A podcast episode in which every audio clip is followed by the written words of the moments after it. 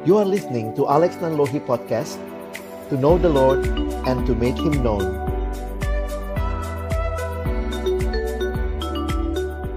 Kita berdoa sebelum kita membaca merenungkan firman Tuhan Saya ajak kita tunduk kepala, kita berdoa di tempat kita masing-masing. Bapak Surgawi terima kasih banyak buat kesempatan kami beribadah Kesempatan kami menikmati pesta rohani di dalam Tuhan Dan kesempatan ini kami rindu Sama-sama membuka firman-Mu ya Tuhan kami mohon biarlah waktu kami membuka firman-Mu, bukalah juga hati kami. Jadikanlah hati kami seperti tanah yang baik, supaya ketika benih firman Tuhan ditaburkan itu boleh sungguh-sungguh berakar, bertumbuh, dan juga berbuah nyata di dalam hidup kami. Berkati hambamu yang menyampaikan, setiap kami yang mendengar, Tuhan tolonglah kami semua. Agar kami bukan hanya jadi pendengar-pendengar firman yang setia, tapi mampukan dengan kuasa pertolongan dari rohmu yang kudus kami dimampukan menjadi pelaku-pelaku firmanmu di dalam hidup kami, di dalam masa muda kami. Berkati seluruh perangkat jaringan koneksi yang kami gunakan, agar kiranya semuanya boleh dipakai dengan baik, berjalan dengan baik bagi kemuliaan Tuhan. Dalam nama Tuhan Yesus kami berdoa, kami bersyukur. Amin. Ya, saya bersyukur kepada Tuhan buat kesempatan ini yang diberikan untuk boleh sharing firman Tuhan buat uh, Bapak Ibu dan juga adik-adik saya panggil begitu saja ya. Karena um, Kak Alex secara khusus pelayanan banyak di kalangan muda. Saya bukan guru, tapi saya dapat kesempatan melayani di beberapa pelayanan siswa maupun juga mahasiswa. Jadi uh, mungkin kalau mau manggil ke Alex boleh, mau manggil kalau Batak manggil saya Bang Alex, kalau mungkin orang keturunan Tionghoa manggilnya Ko Alex, ya boleh ya. Nah, bersyukur buat kesempatan ini.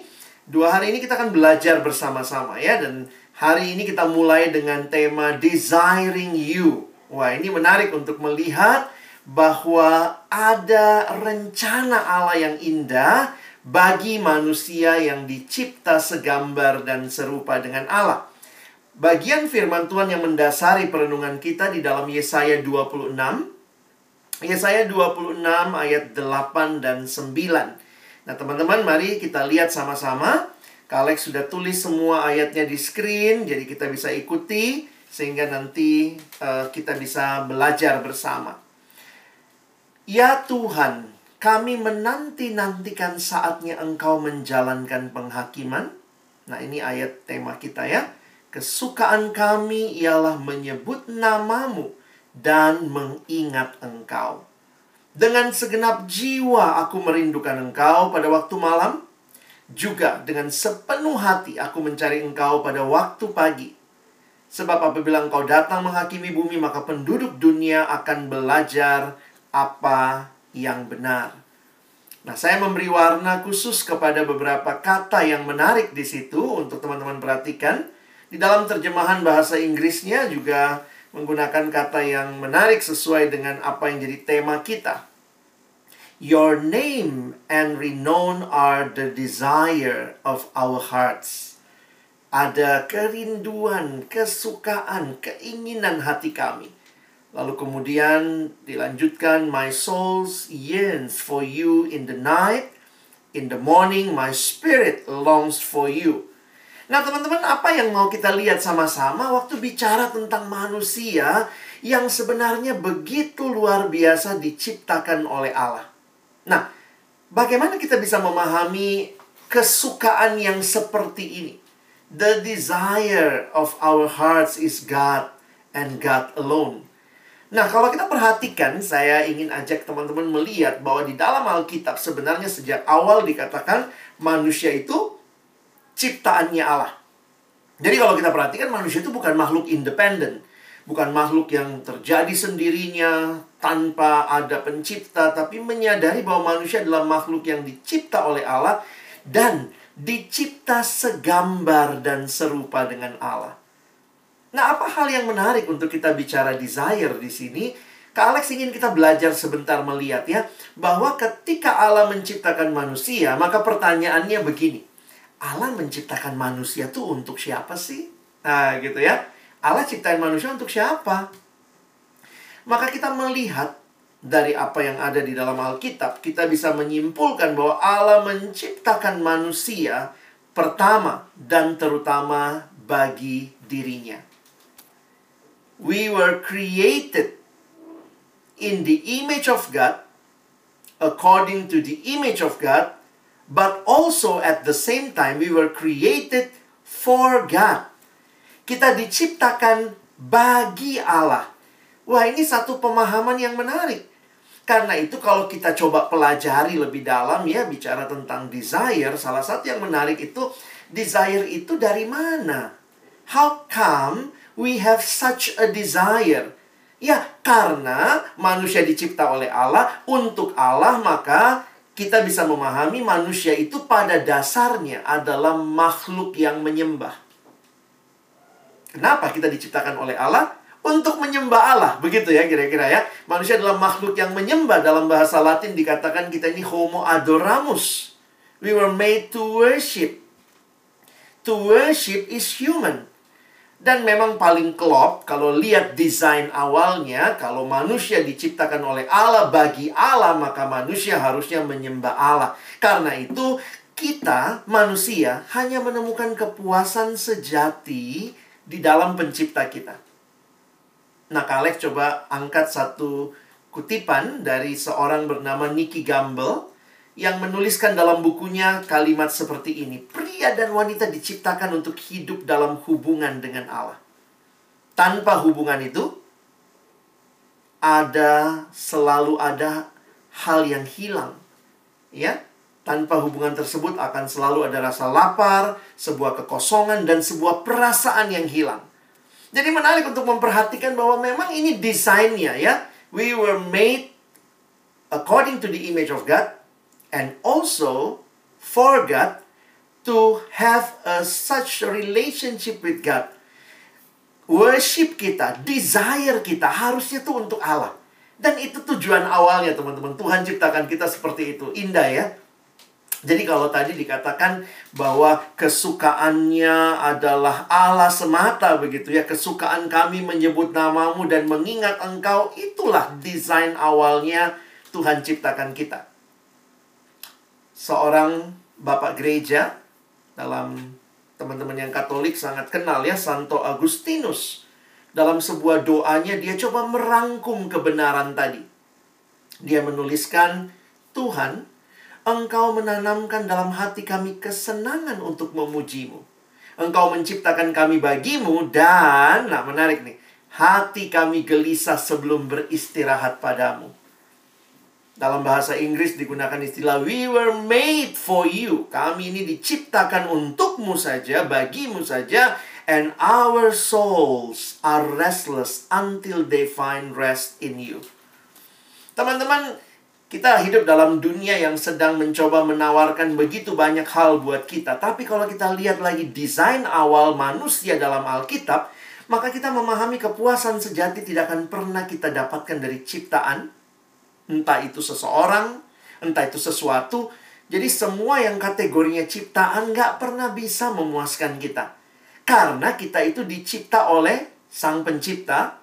Karena itu hanya dialah yang sanggup memuaskan jiwa kita, dahaga hati kita, dikatakan bahwa bukan yang horizontal yang bisa memuaskan kita. Semua yang horizontal ini kan kategorinya ciptaan.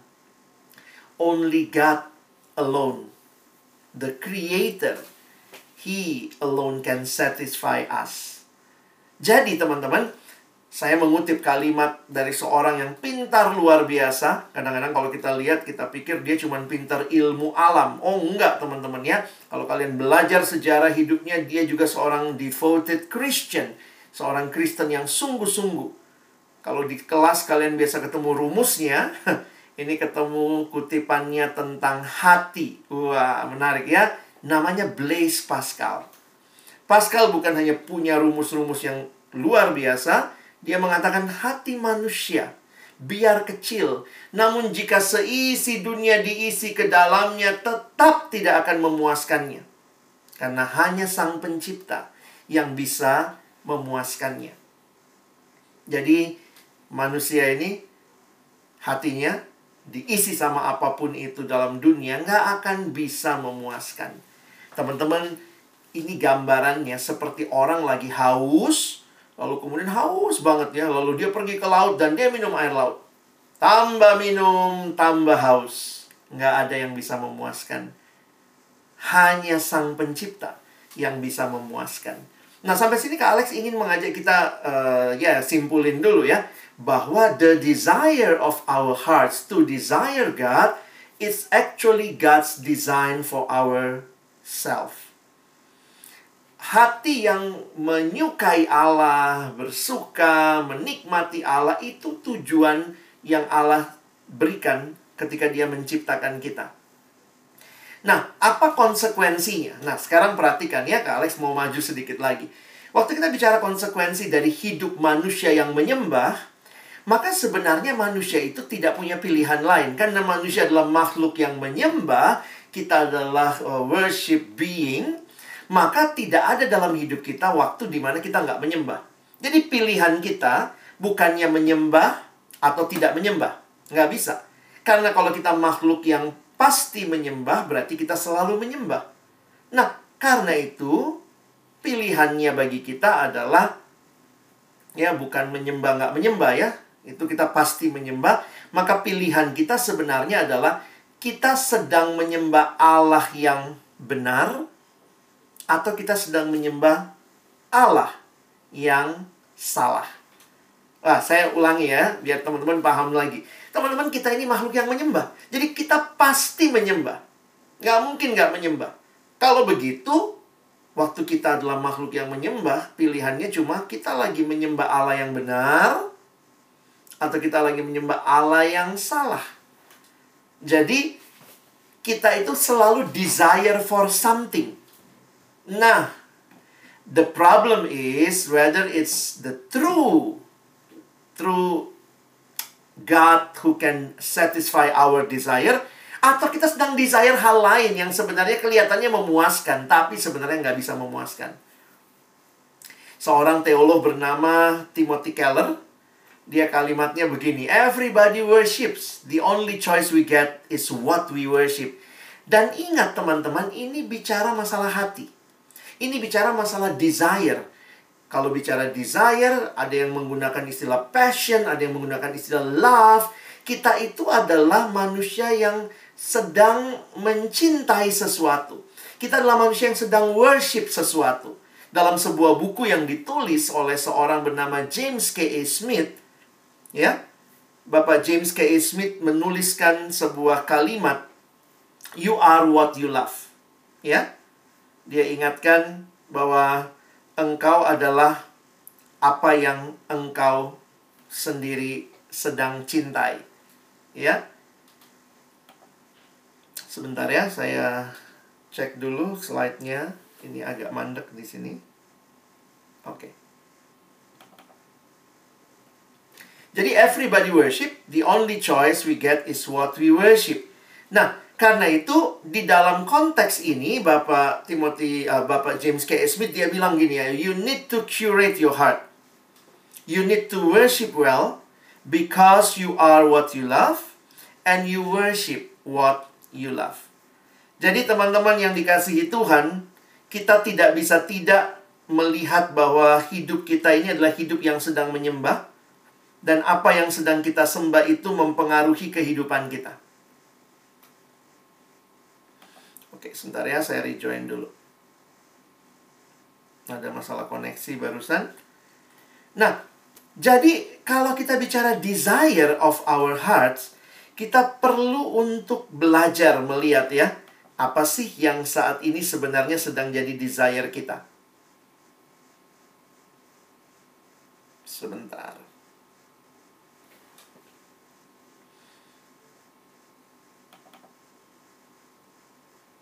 Oke.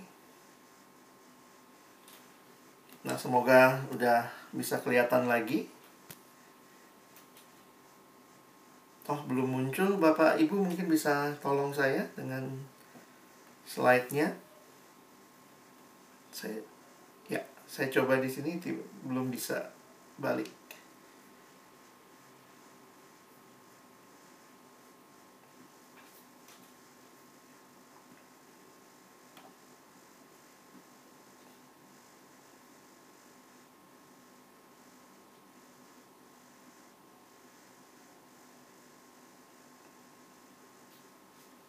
Baik, terima kasih ya. Uh, kita sampai ke next slide, Bu. Nah, teman-teman, ini yang tadi ya. You need to curate your heart. You need to worship well. Yes. Oke, okay, ya. Baik. Jadi, you need to curate your heart. You need to worship well because you are what you love and you worship what you love. Teman-teman, next slide. Kita perlu belajar ya untuk memahami bahwa inilah kehidupan kita. Dan bisa tolong next slide.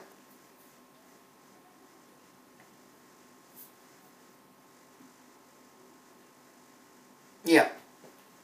Di dalam Amsal 4, next slide lagi. Nah, kalau teman-teman pelajari ayat ini, ini bagi saya ayat yang sangat menolong kita memahami hidup kita. Ya, Dikatakan jagalah hatimu. Sumbernya semua tuh dari hati. Sumbernya itu desire, what you worship in your heart, what you love. Karena itu Alkitab mengingatkan, jagalah hatimu dengan segala kewaspadaan karena dari situlah terpancar kehidupan. Ya, next slide. Nah, ini jadi pertanyaan buat kita, do you truly desire God? Mungkin kamu bilang, iya kak, indah banget ya. Harusnya tuh manusia desire God. But now the reality, do we truly desire God? Karena terjadi apa? Kita lihat di next slide ya. Dikatakan, ketika manusia tidak sedang menyembah Allah, maka siapa pun atau apa pun yang menggantikan posisi Allah sebagai yang terutama dalam hidup kita, itu disebut sebagai berhala. Kenapa manusia desire for another God? Nah ini, kita dikatakan memiliki berhala ketika kita mengambil sesuatu dari alam ciptaan, lalu kemudian kita mulai menyembahnya, mengasihinya, melayaninya, dan bahkan memperoleh makna daripadanya dibanding dari Allah yang sejati. Ketika manusia yang harusnya dicipta to desire God, Lalu kemudian manusia tidak memilih me, me, me, me atau menyembah Allah. Dia pilih yang lain, teman-teman. Maka dia sedang memilih Allah yang salah. Kita lihat gambaran berikut ya, next. Bisa perhatikan itu ya, sikap kepada berhala seperti ini nih. Dia mengasihinya, menyembahnya, melayaninya, bahkan dia dapat makna daripadanya. Bukan dari Allah yang sejati tapi dari berhala. Nah, bayangkan tuh kalau Alex panggil gambarnya kalau misalnya orang memberhalakan uang. Uang jadi segala-galanya, maka dia mulai mengasihi uang, menyembah uang, melayani, bahkan memperoleh makna. Saya itu sukses kalau berapa banyak uang yang saya miliki. Jadi ini jadi mengerikan. Perhatikan teman-teman, next slide. Kalau demikian, jadi pertanyaan dari mana hal-hal itu Ternyata berhala itu bisa dari hal yang baik. Yang kita tempatkan jadi hal yang utama. Ingat ya, bukan bicara hal yang nggak baik. Hal yang baik yang tidak ditempatkan dengan semestinya, harusnya hal baik tetap jadi hal baik. Tapi begitu hal baik jadi utama, nah, jadi masalah. Berhala itu artinya mengubah hal yang baik jadi hal yang utama. Apa hal yang baik? Contohnya, uang, uang. Uang baik kan? Tetapi ketika jadi hal yang utama, ah, uang jadi berhala. Jadi biarlah hal yang baik tetap hal yang baik. Coba kita lihat apa nasihat firman Tuhan ya, next. Dikatakan, siapa mencintai uang tidak akan puas dengan uang. Dan siapa mencintai kekayaan tidak akan puas dengan penghasilannya. Ini pun sia-sia. Perhatikan kalimatnya, bukan uangnya yang masalah tetapi cinta uangnya. Ada anak remaja datang ke Kak Alex, dia bilang, bener ya kak, kata Alkitab di 1 Timotius 6, akar segala kejahatan adalah uang. Saya bilang, wah kamu mesti baca ayatnya baik-baik. Akar dari segala kejahatan adalah bukan uang, cinta akan uang. Ketika manusia menempatkan uang jadi segala-galanya, manusia memberhalakan uang, maka itulah akar dari segala kejahatan. Gambaran yang diberikan adalah ketika dijadikan utama. Jadi benar gini ya, ada hal yang baik banyak, tapi hal yang baik biarlah tetap jadi hal yang baik. Jangan dijadikan hal utama. Apa aja hal yang baik? Studi baik nggak? Oh, studi baik. Kita belajar, bisa punya prestasi yang baik. Iya, tapi jangan jadikan utama. Maksudnya apa?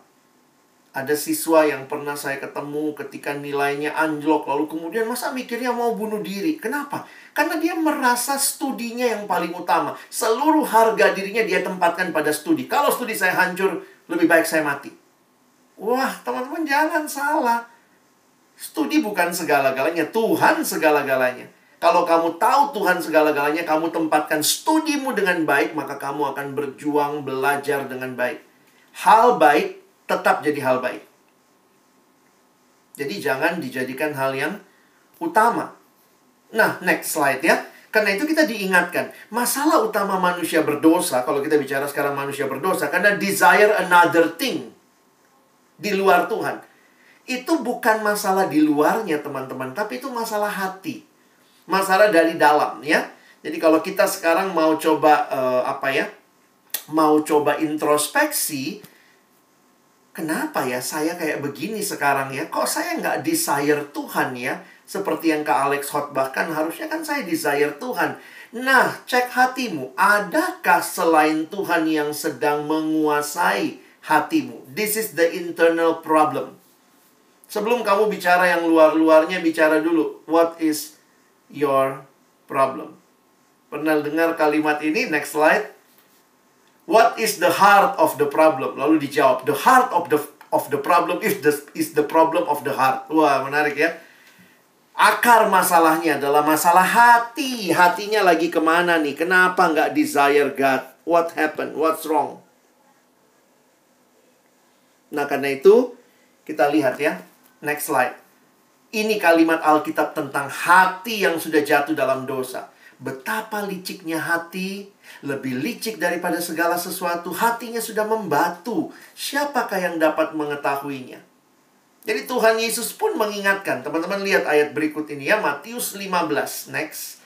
Di dalam ayat ini diingatkan, Yesus berkata, "Tetapi apa yang keluar dari mulut berasal dari hati, dan itulah yang menajiskan orang. Karena dari hati timbul segala pikiran jahat, pembunuhan dari mana? Yesus nggak bilang itu cuma kelakuan di luar. Yesus bilang, cek hatimu. What happened in your heart? Dari hati timbul pembunuhan, dari hati timbul persinahan, dari hati timbul percabulan, dari hati timbul pencurian, dari hati timbul sumpah serapah, sumpah palsu, dari hati timbul hujat. Why? Next slide ya. Unholy desire, harusnya kan holy desire, desiring God. But at the same time, waktu kita jatuh dalam dosa, Ingat teman-teman, dosa bukan cuma masalah perbuatan yang muncul di luar, tetapi Yesus memberikan tahu, memberi kita pemahaman, perhatikan apa yang lagi jadi desire hatimu. Kamu sedang menyembah yang bukan aku. Mungkin ada hal lain yang sedang kamu sembah.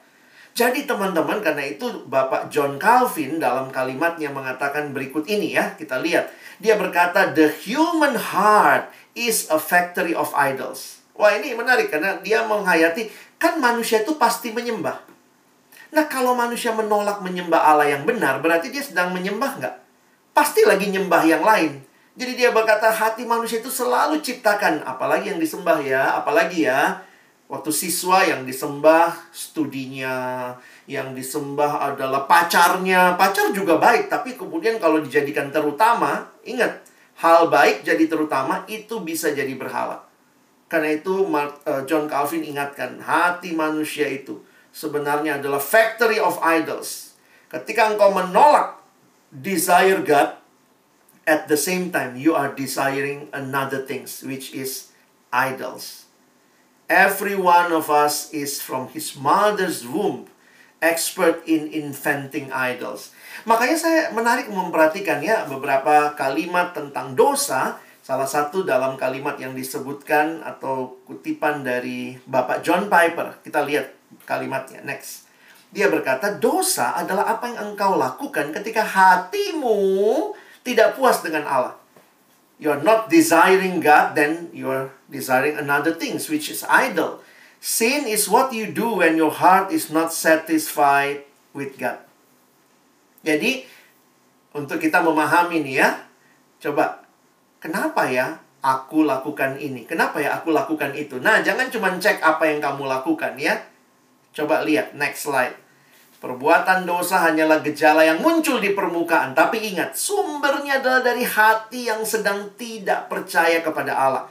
Hati yang lebih percaya kepada yang bukan Allah, yaitu berhala. Hati yang sedang desiring another thing.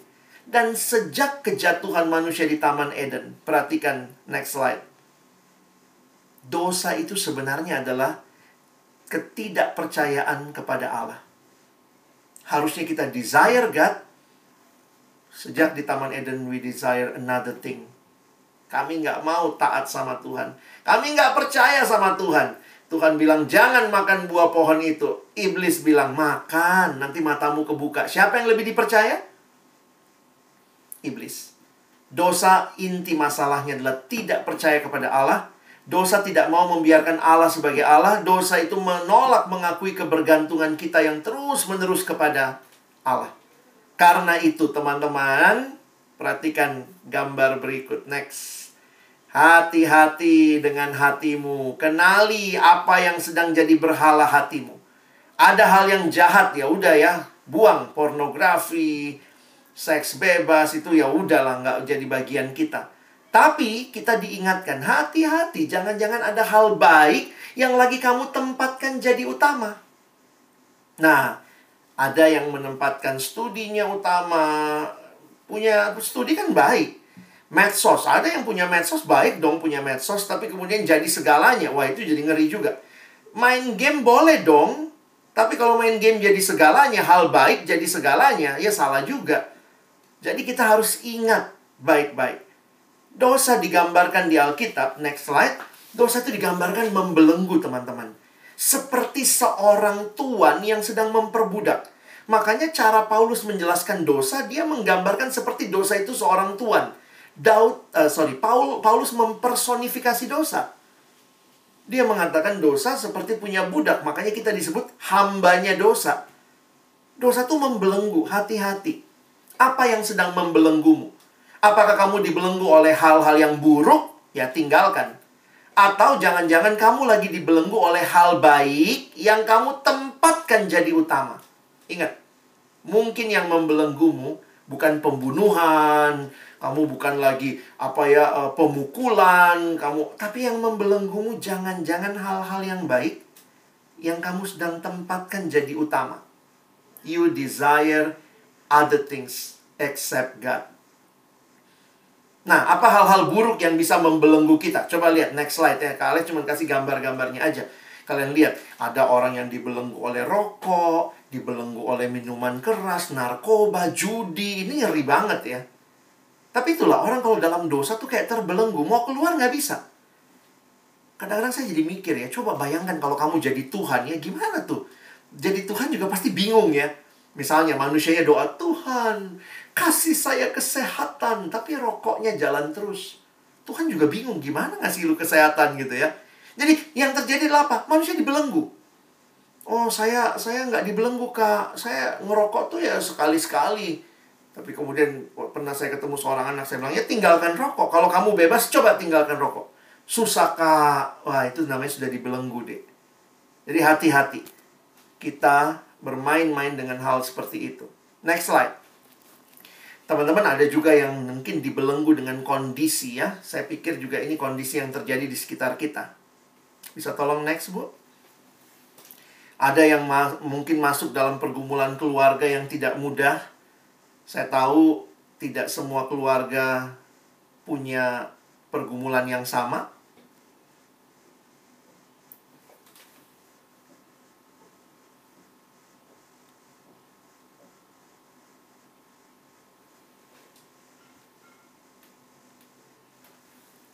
Maaf, sudah bisa kedengaran lagi? Ya kita tahu bahwa tidak semua keluarga punya pergumulan yang sama.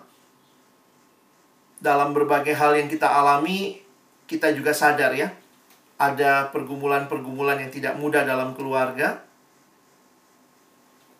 Apakah bisa tolong, Bu? Next slide.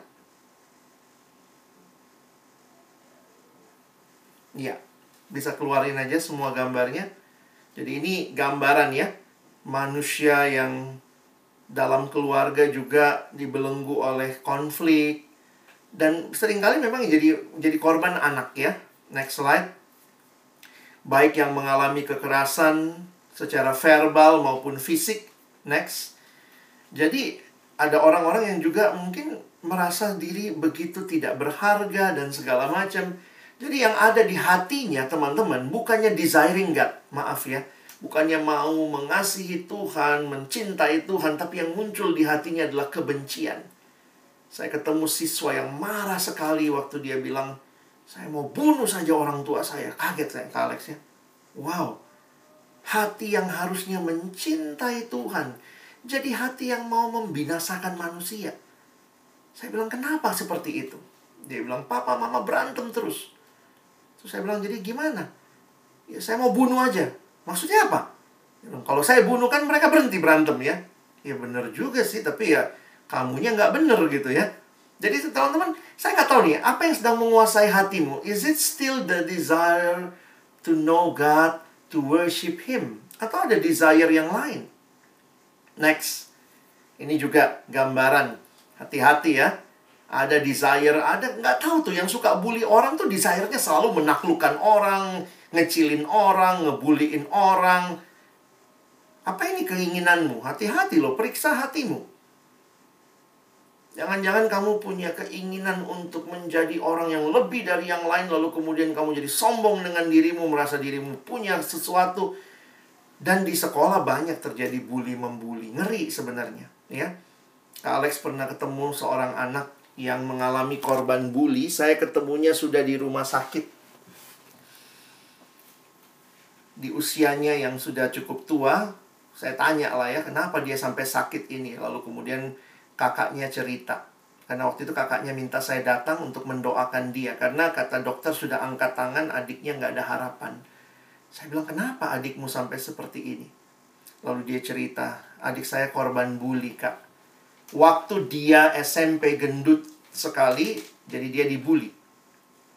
Akhirnya karena dibully temannya, beberapa orang suka mukul-mukul dia juga dia nggak mau ke sekolah. Akhirnya berhenti sekolah. Orang tua tidak sanggup memaksa. Akhirnya kemudian anak ini cuma ada di rumah nonton TV main game badan tambah besar tambah besar. Setiap kali mau ke sekolah sakit tambah besar badannya apa yang terjadi teman-teman? Dia kena diabetes. Dan di usia akhirnya memang dia ketemu passionnya dia karena dia nggak sekolah nggak bisa kerja apa-apa. Dia ketemu passionnya dia seneng nyanyi dia seneng melatih paduan suara. Dan akhirnya dia pada usia masih sekitar 30 tahun karena kadar gula yang begitu tinggi akhirnya mengalami uh, banyak organnya yang gagal ya dan waktu itu saya besuk ke rumah sakit di situ saya jadi sadar betul ya bahwa anak ini sudah masuk ke dalam situasi yang ya tinggal tunggu waktu. Jadi Kak Alex doain, dua hari kemudian dia meninggal dunia. Nah waktu saya lihat kondisi itu saya cuma bayangkan Tuhan ini awalnya cuma gara-gara bully. Jadi Kak Alex ingin ingatkan buat teman-teman. Kau bully orang, kau bisa bunuh orang. Hati-hati. Jangan main-main dengan hal seperti itu. Desire yang harusnya menginginkan Tuhan justru menginginkan menghancurkan orang lain. That is not the desire God intends you to have in your heart. No. Next. Ada lagi yang intentionnya bohong, terus bohong gitu ya. Kayaknya senang deh bohong sama orang tua. Jadi ini ini yang Kalex ingin kita coba cek hati kita. What happened with your heart? Apakah tema kita do you really desire God? Next ada juga ya bohongnya berkembang jadi nyontek gitu ya akhirnya tidak pernah bisa jujur selalu ingin nilai bagus tapi usahanya nggak ada maunya empang enak dan gampang ini kan desire hati juga yang nggak benar Jadi periksa lah ya. Nanti ada waktu sharing, coba kita periksa lagi hidup kita. Kita bener nggak sih desiring God ya? Atau ada desire-desire lain yang sedang menguasai kita? Ya. Nah, tapi kan tadi Kak Alex bilang ada juga hal yang baik, tapi karena tidak dijadikan, karena dijadikan utama, wah jadi hal yang nggak benar. Contohnya apa? Coba next ya. Ini kan hal yang baik ya. HP hal yang baik. Sekarang kita semua pakai HP. Tapi kalau HP segala-galanya gitu ya. Di sinilah. Karena begini ya. Punya HP juga jadi dilema sebenarnya buat banyak orang tua ya. Karena next slide. Katanya ini smartphone. Tapi nggak banyak yang pakai dengan smart. Dari data yang ditemukan. Ternyata tuh sebagian besar anak-anak juga mengakses pornografi dari gadget yang diberi orang tuanya. Jadi bayangkan ketika harusnya dengan HP itu you desire God more than you desire other things. Wow, kamu mengutamakannya. Wah, jadi ngeri tuh. Belum lagi, next slide ya. Ini kan hal yang baik juga ya. Masa sih kita nggak butuh belanja? Ya kita butuh belanja. Tapi kalau hidup adalah hanya belanja, waduh, belanja hal yang baik. Tapi kalau belanja jadi hal yang utama, segala-galanya belanja. Akhirnya yang terjadi, next slide, manusia tuh jadi nggak bisa bedain mana keinginan, mana kebutuhan. Kadang-kadang Kak Alex lucu ya, ada yang bilang gini, oh ditanya, kenapa kamu beli barang itu ya? Apalagi kan sekarang toko online segala macam gampang ya. Waktu da barangnya datang, kenapa kamu beli barang itu? habis lucu. Hah? Beli barang karena lucu. Ya habis beli ketawa-ketawa gitu ya. Bukan karena kebutuhan. Tapi sekedar diinginkan. Jadi akhirnya ada orang yang bukannya belanja karena butuh, tapi belanja karena cuma ingin dan akhirnya jadi kecanduan belanja. Ya. Jadi hati-hati, belanja baik, tapi jangan jadi utama atau jadi segalanya. Kamu bukan pembelanja lagi, kamu udah pecandu belanja. Next, nah ini nih. Saya juga coba share ya. Ya tentu banyak yang nonton drakor juga ya. Kak Alex juga ikutan nonton drakor ya. Tapi pertanyaannya gini, nonton boleh nggak? Ya boleh, itu hal yang baik. Tuhan juga, apalagi kalau sesuai umur ya, sesuai batas umurnya Tuhan juga kasih sebenarnya uh, itu kan hiburan yang Tuhan berikan untuk kamu juga stress release dan seterusnya. Tapi kalau nonton jadi segala-galanya, kamu udah pecandu. Kalau drakor satu malam tiga empat seri, mah hantemin terus besok pagi ngantuk. Kamu jadi lupa tugas utamamu bukan nonton drakor. Tugas utamamu belajar gitu. Jadi ketika kita tidak bisa mengatur diri, next slide ya, ini semua slide-slide boleh lanjut-lanjut aja Bu ya. Ini binge watching ya. Kadang-kadang ya Netflix memungkinkan itu next lagi. Nah, nanti kadang-kadang kan drama-drama yang muncul next kalian bisa lihat gitu ya. Ini kan semua deket dengan hidup remaja, anak muda, next lagi. Wah, saya nggak tahu kalian nonton apa nggak next lagi gitu ya. Jadi kalau perhatikan sampai yang terakhir nih next ya. Kita berantem kita timnya Han Ji Pyong atau Nam Dosan mereka aja temenan kita yang berantem begitu ya boleh nonton boleh tapi apakah nonton jadi segala-galanya? Menguasai hatimu sampai kau lupa tugasmu yang lain. Itu namanya sudah kecanduan. Kamu menempatkan hal yang baik jadi yang utama. Nah dan memang menarik ya. Hati itu punya kecenderungan kecanduan. Begitu kita desire things itu akan terus menyerap kita. Ini yang tadi dibilang, makin dinikmati, makin nggak puas. Jadi tetap kita bisa nonton, tapi sadar kepuasan sejatimu bukan dari nonton. Ketika engkau diam di dalam Tuhan, hidup di dalam Tuhan. Next, nah ini yang cowok-cowok nih, mungkin desire-nya ini nih. Ya, bisa tolong next. Ya, ini kalau bicara game online, wow, saya nggak tahu nih, teman-teman termasuk yang pecinta game, pemain game, atau sudah pecandu game. Disuruh ngapain pun nggak bisa lagi. Karena apa? Game menguasai.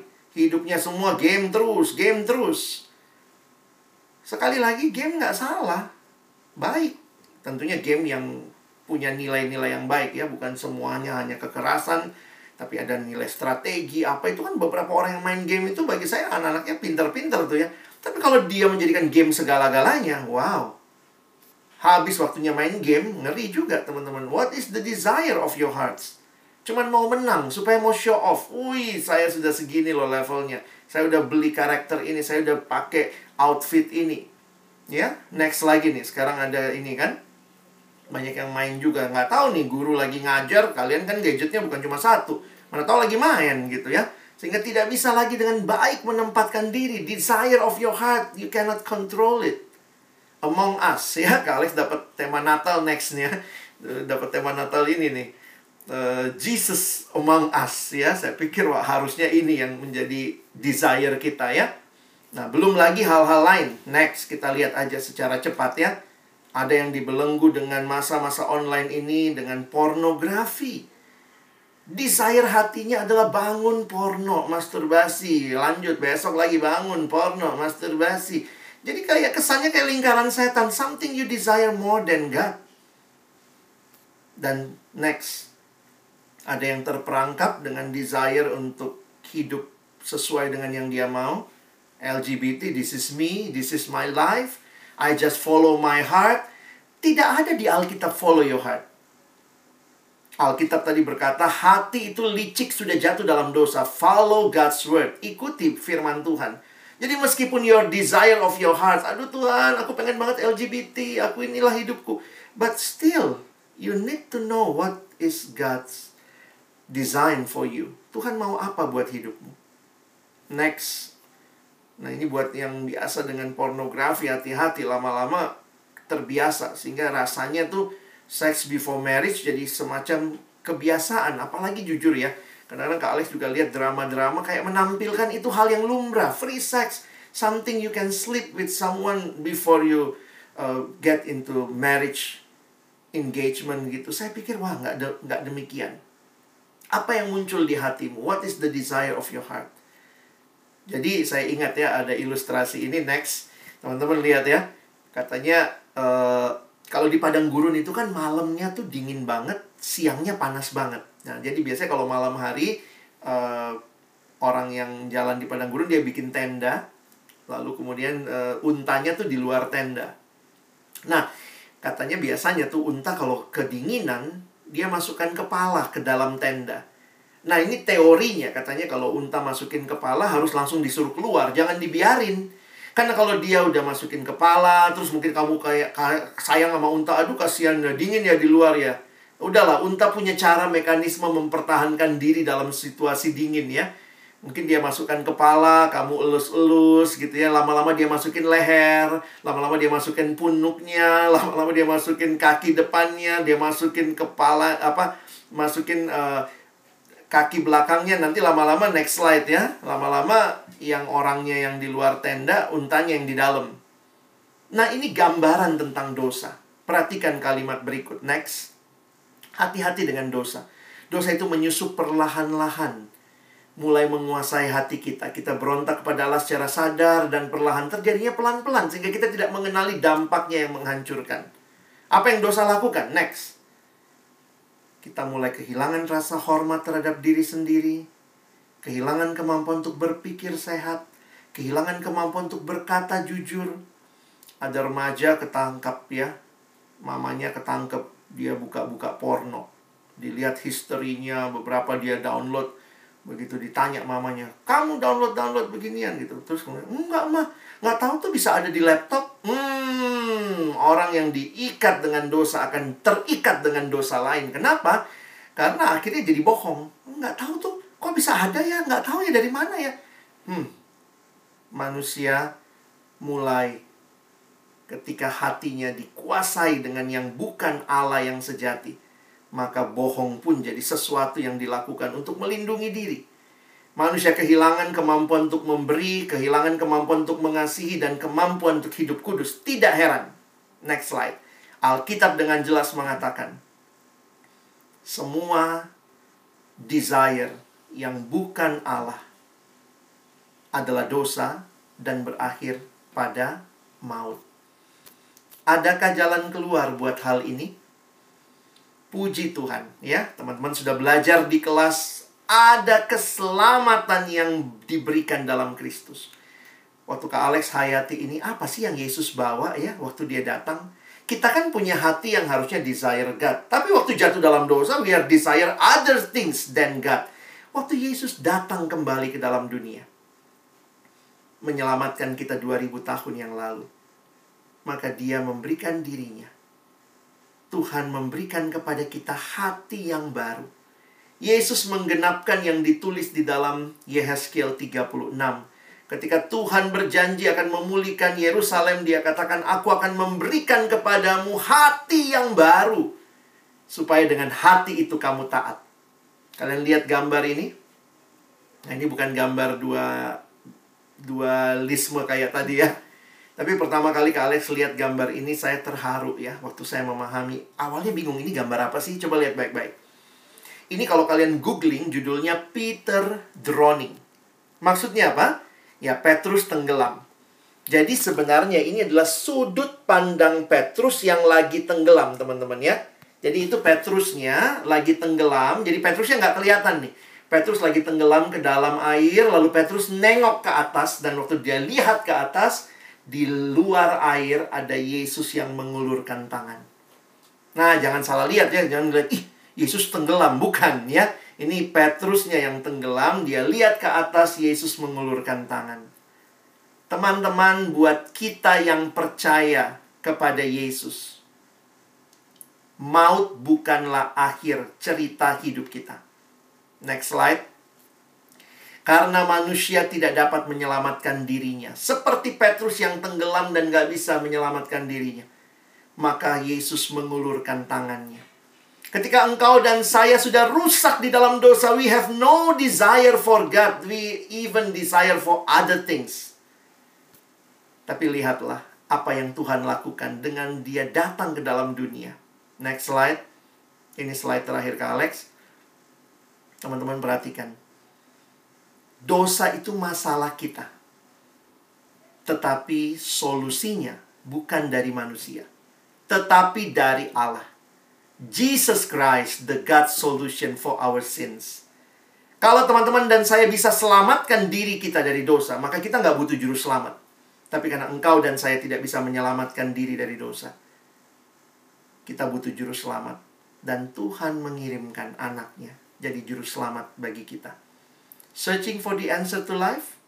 Jesus, you have found him. Jadi saya menghayati begini teman-teman. Hanya di dalam Yesuslah kita bisa kembali desire God. Karena itu rancangan awalnya Tuhan buat hati kita. Ketika kita mengembara dalam dosa, Tuhan mengatakan stop. Terima anakku dalam hatimu. Dan pada waktu itu kau alami, kau diberikan hati yang baru. Yehezkiel berkata, akan kuberikan rohku diam di dalam batinmu. Dan aku akan berikan kamu hati yang taat. Jadi sekarang ini mungkinkah kita desire God? Mungkin. Ketika engkau dan saya buka hati terima Yesus. Tempatkan dia sebagai yang utama di hidup kita. Dan Yesus menuntun kita dengan firman-Nya yang menolong kita, bukan memilih hal-hal yang tidak sesuai kehendak Tuhan. Tapi kita memilih apa yang Tuhan mau buat hidup kita. Hidup dalam kebenaran, hidup dalam kekudusan, hidup dalam kemerdekaan, bukan dibelenggu oleh keinginan-keinginan yang lain. Jadi hari ini waktu kita bicara desire God, ini tema pertama kita. Teman-teman jangan pikir, wah nggak mungkin kak desiring you. Memang nggak mungkin kalau kita hidup dalam dosa. Tapi waktu kita sudah terima keselamatan, hati yang baru Tuhan Yesus berikan. Nah sekarang Tuhan rindu, ayo desire Tuhan lagi. Nanti besok kita akan bahas lebih jauh gimana caranya ya. Jadi kalau kita mau terus membangun ya, membangun penyembahan kepada Tuhan, membangun desire kita kepada Tuhan, membangun cinta kita kepada Tuhan, apa yang Tuhan berikan. Nah, besok kita akan belajar sama-sama ya. Nah, kiranya firman Tuhan hari ini menolong teman-teman. Nanti waktu kalian sharing coba lihat lagi ya. Ah, apa sih aku sudah cinta Tuhan belum ya? What is the desire of my heart? What happened with me? Dan waktu nanti kamu bisa sharing, kiranya kita bisa juga meresponi kebenaran firman Tuhan. Mari kita berdoa. Tuhan terima kasih banyak buat firman-Mu setiap kebenaran yang boleh memerdekakan hati kami bahwa memang Tuhan ciptakan kami to desire you more and more. We were created by you and for you.